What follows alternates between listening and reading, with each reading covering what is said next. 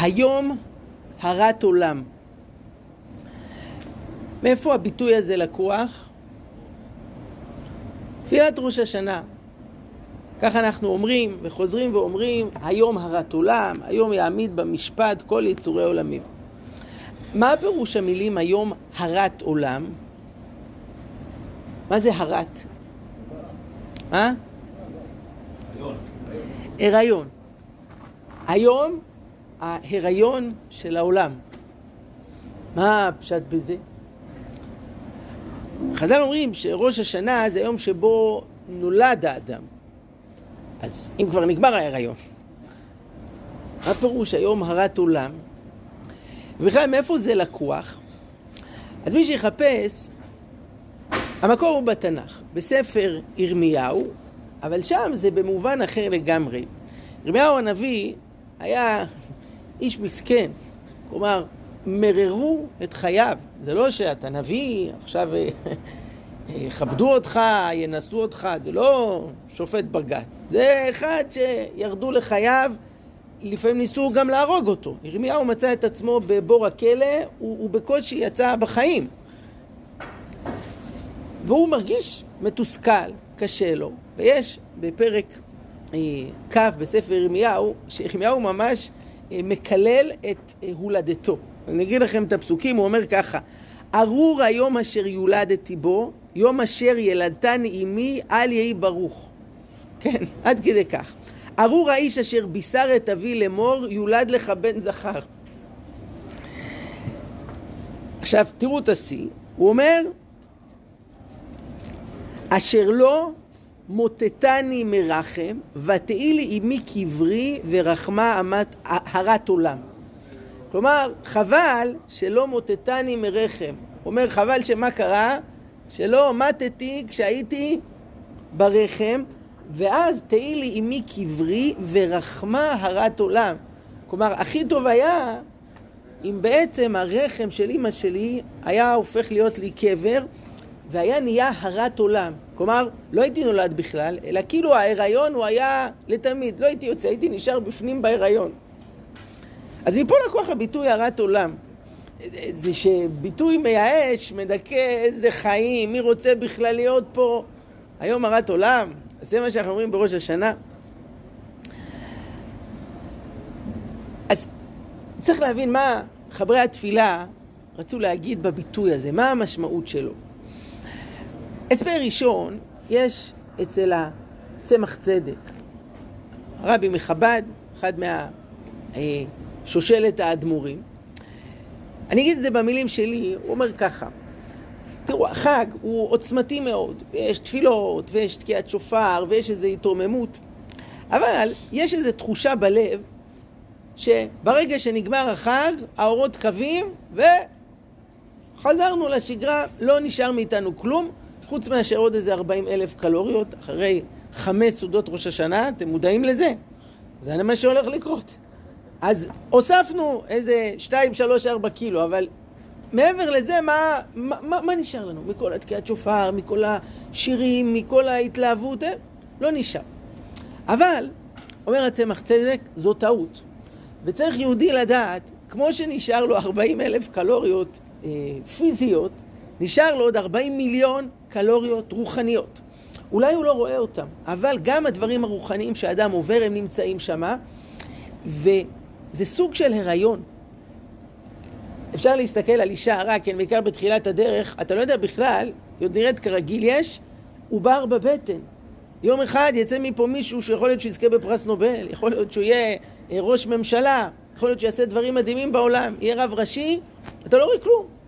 אבל יש כאן משהו שמתרקם בפנים. אומר הצמח צדק, שנדע, יצאנו מהחג כשאנחנו בהיריון, רוחני, וכל מיני דברים שהתרחשו, הם ילכו וייוולדו, הם, הם יופיעו בעולם, הם יאירו, הם, הם ישפיעו. זה לא היה סתם שעברנו דרך החג, אלא אנחנו נושאים איתנו את כל המטען הרוחני הזה. זה כיוון אחד. זה המובן של הרת עולם, אנחנו יוצאים מהחג בהיריון. הריון רוחני עם הרבה אורות גדולים שיבצבצו ויצאו לעולם. הסבר שני, ש...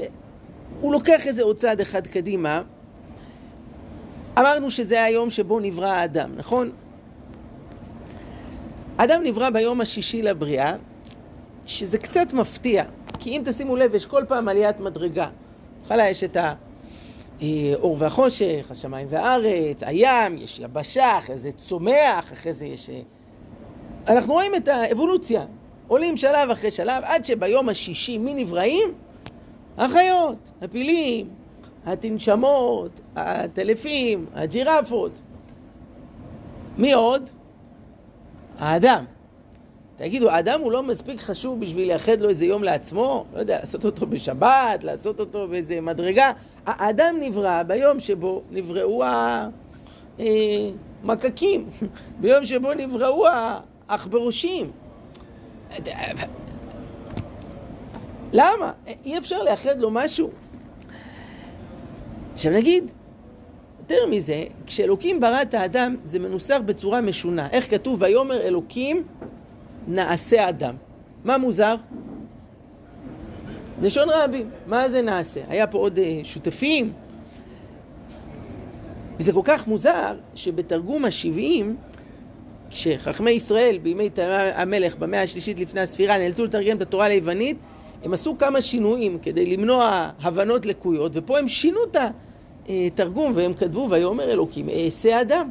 כי אם כתוב נעשה, זה יכול לתת גיבוי לכל מיני תפיסות של דואליזם, שיש אה, שניים ויותר, יש אל טוב ואל רע, והיה פה איזו שותפות. מה זה נעשה אדם? למה לשון רבים? אז ידועים דברי רש"י. מה רש"י אומר, מישהו זוכר? מה זה נעשה אדם? מי עוד? מה?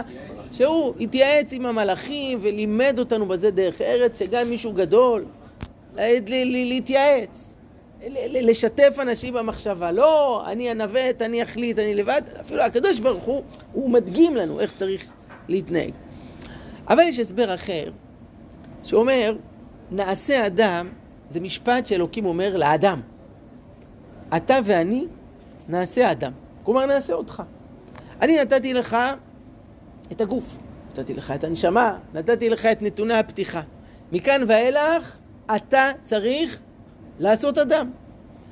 אתה יכול להישאר כמו שנולדת ביום השישי ביחד עם הטלפים, התנשמות והחתולים, כלומר בדרגה של בעל חיים. זה נקודת הפתיחה. ואדם הוא דומה לחיות בכל מיני מובנים. הוא אוכל ישן, פרה ורבה. אבל הוא יכול לעשות אדם ולעלות פה לקומה הבאה, לשלב הבא, ובעצם לעבור מיום שישי ליום השבת. הוא מתחיל לידה כמו כולם ביום השישי, כמו כל החיות, כי סוג של חיה. אבל יש בו הרבה מעבר לזה. ואז, לפי זה אפשר להבין את המושג של היום הרת עולם, במובן הזה שאומנם האדם נברא, הוא נולד בו, אבל גם הלידה הזאת היא הריון עבור המדרגה הבאה שלו. כלומר, בתור בעל חיים, הוא נולד ביום השישי מסודר. שימפנזה מתוחכם, משוכלל, לוחץ עוד הרבה דברים, נהדר. אבל זה עדיין הריון מבחינה זאת שלהיות אדם במלוא המובן זה עדיין בהיריון. ואיך הוא ייוולד? הוא המיילדת, הוא הוולד. הוא עושה אדם ביחד עם הקדוש ברוך הוא, נעשה אדם. אז זה המובן השני, של היום הרת עולם, גם כשאדם נולד, זה עדיין מבחינת הריון. בהמה לעומת זאת, המהר"ל אומר, זה מורכב מהמילים בה, מה. כלומר, יש בה איזה מה, איזה דבר, אבל מה ש... מה שאתה רואה זה מה יש, כן? פרה. מה שאתה רואה, לא, היא, היא לא תעשה תואר, היא לא תלמד קורסים, היא לא תשב, תעבוד על המידות שלה. נולדה פרה, תמות פרה. במה? בהמה. אדם, הוא נולד, אבל זה עדיין הריון, כי הוא יכול להוליד את האדם שבו. אני רוצה להציע הסבר שלישי ואחרון. המובן של הרת עולם, מה רומזים לנו חכמינו בדבר הזה? ביום הכיפורים, אחרי שהכהן הגדול נכנס לפני ולפנים להקטיר קטורת, הוא יוצא החוצה, והוא מתפלל תפילה קצרה בבית החיצון, כך כתוב. אין זמן, זה יום שיש בו הרבה משימות וגורל הכפרה של עם ישראל על הכתפיים שלו, הוא צריך לקצר בתפילה. מה הוא אומר? אז אנחנו אומרים את זה בתוך סדר תפילת יום הכיפורים, הוא אומר ככה: יהי רצון מלפניך השם אלוקי, אה, אה, השם אלוקינו ואלוקי אבותינו, שתהא שנה זו הבאה עלינו ועל כל עמך בית ישראל בכל מקום שהם, עם שכונה גשומה. ואל ייכנס לפניך תפילת עוברי דרכים, ושלא יצטרכו עמך בית ישראל בפרנסה זה לזה ולא לעם אחר, שנה שלא תפיל אישה פרי בטנה, ושיתנו עצי השדה תנובתם. זאת התפילה, לוקח 30 שניות, תפילה קצרה, ושימו לב לביטוי הזה, שלא תפיל אישה פרי בטנה. שלא יהיו הריונות שחלילה ייפלו, והוולד ימות. למה דווקא בקשה כזאת נכנסה, הרי יש פה רשימה קצרה. צריך פה באמת לבחור בפינצטה, ממש את, ה, את, ה, את ה top של הבקשות שייכנסו. אז אני מבין שיש פה איזה עניין רפואי, יש לפעמים שההיריון נופל, אבל אם הולכים פה על איזה בקשה רפואית, תגידו, חסר בקשות בעולם? לא היה עדיף לבקש על אה, חולי סרטן, השם ירחם, שיבריאו, שלא, שלא יאכלו, אה, על, על אה, מחלות לב, סכרת, ואם מדברים על צרות, חסר צרות בעולם, תאונות דרכים, ו- ואלימות, ו... ו-, ו- מה... נבחרה דווקא התפילה הזו, שאישה לא תפיל פרי בטנה. אז כמובן שיש פה את, את הפשט, שגם בפועל לא היו הריונות שיפלו, אבל יש פה רמז לאיזשהו הריון במובן הרוחני שהוא לא ייפול. מה זאת אומרת? תחילת שנה זה זמן שבו יש בלב הרבה רצונות טובים. ומי שמקשיב לשופר זה קול שהוא מעורר. והרבה פעמים בתחילת שנה אדם אומר לעצמו, השנה זה יהיה אחרת. השנה אני אה, אלמד דף יומי, השנה אני אשקיע יותר בילדים שלי, השנה אני יותר עם אשתי, השנה אני... וכולי וכולי.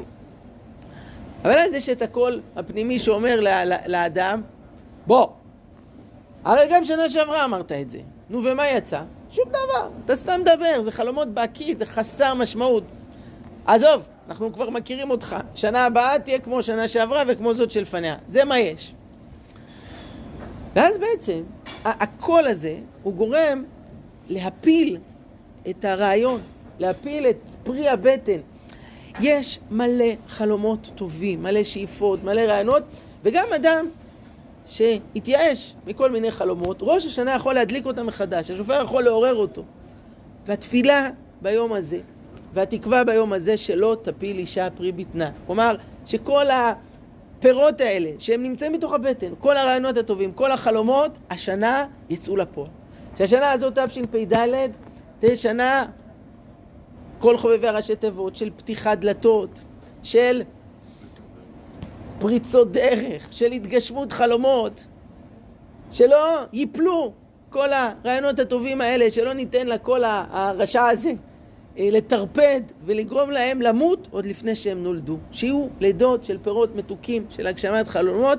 השנה הזאת, במהרה בימינו אמן, שיהיה שנה טובה ומתוקה. יישר כוח לכולם, לכל מי שאיתנו פה, אה, והשיעור הזה אמ, אנחנו גם אה, מקליטים, מי שרוצה יכול להעביר אה, הלאה, יש כמה אה, אלפים שהצטרפו לקבוצות שמקבלים את זה, תחשבו כל אחד פה, יש בערך עוד איזה 500 איש שהוא מייצג אותם, שישמעו את הדברים ושנזכה בעזרת השם שיתגשמו החלומות. לנו ולכל בית ישראל,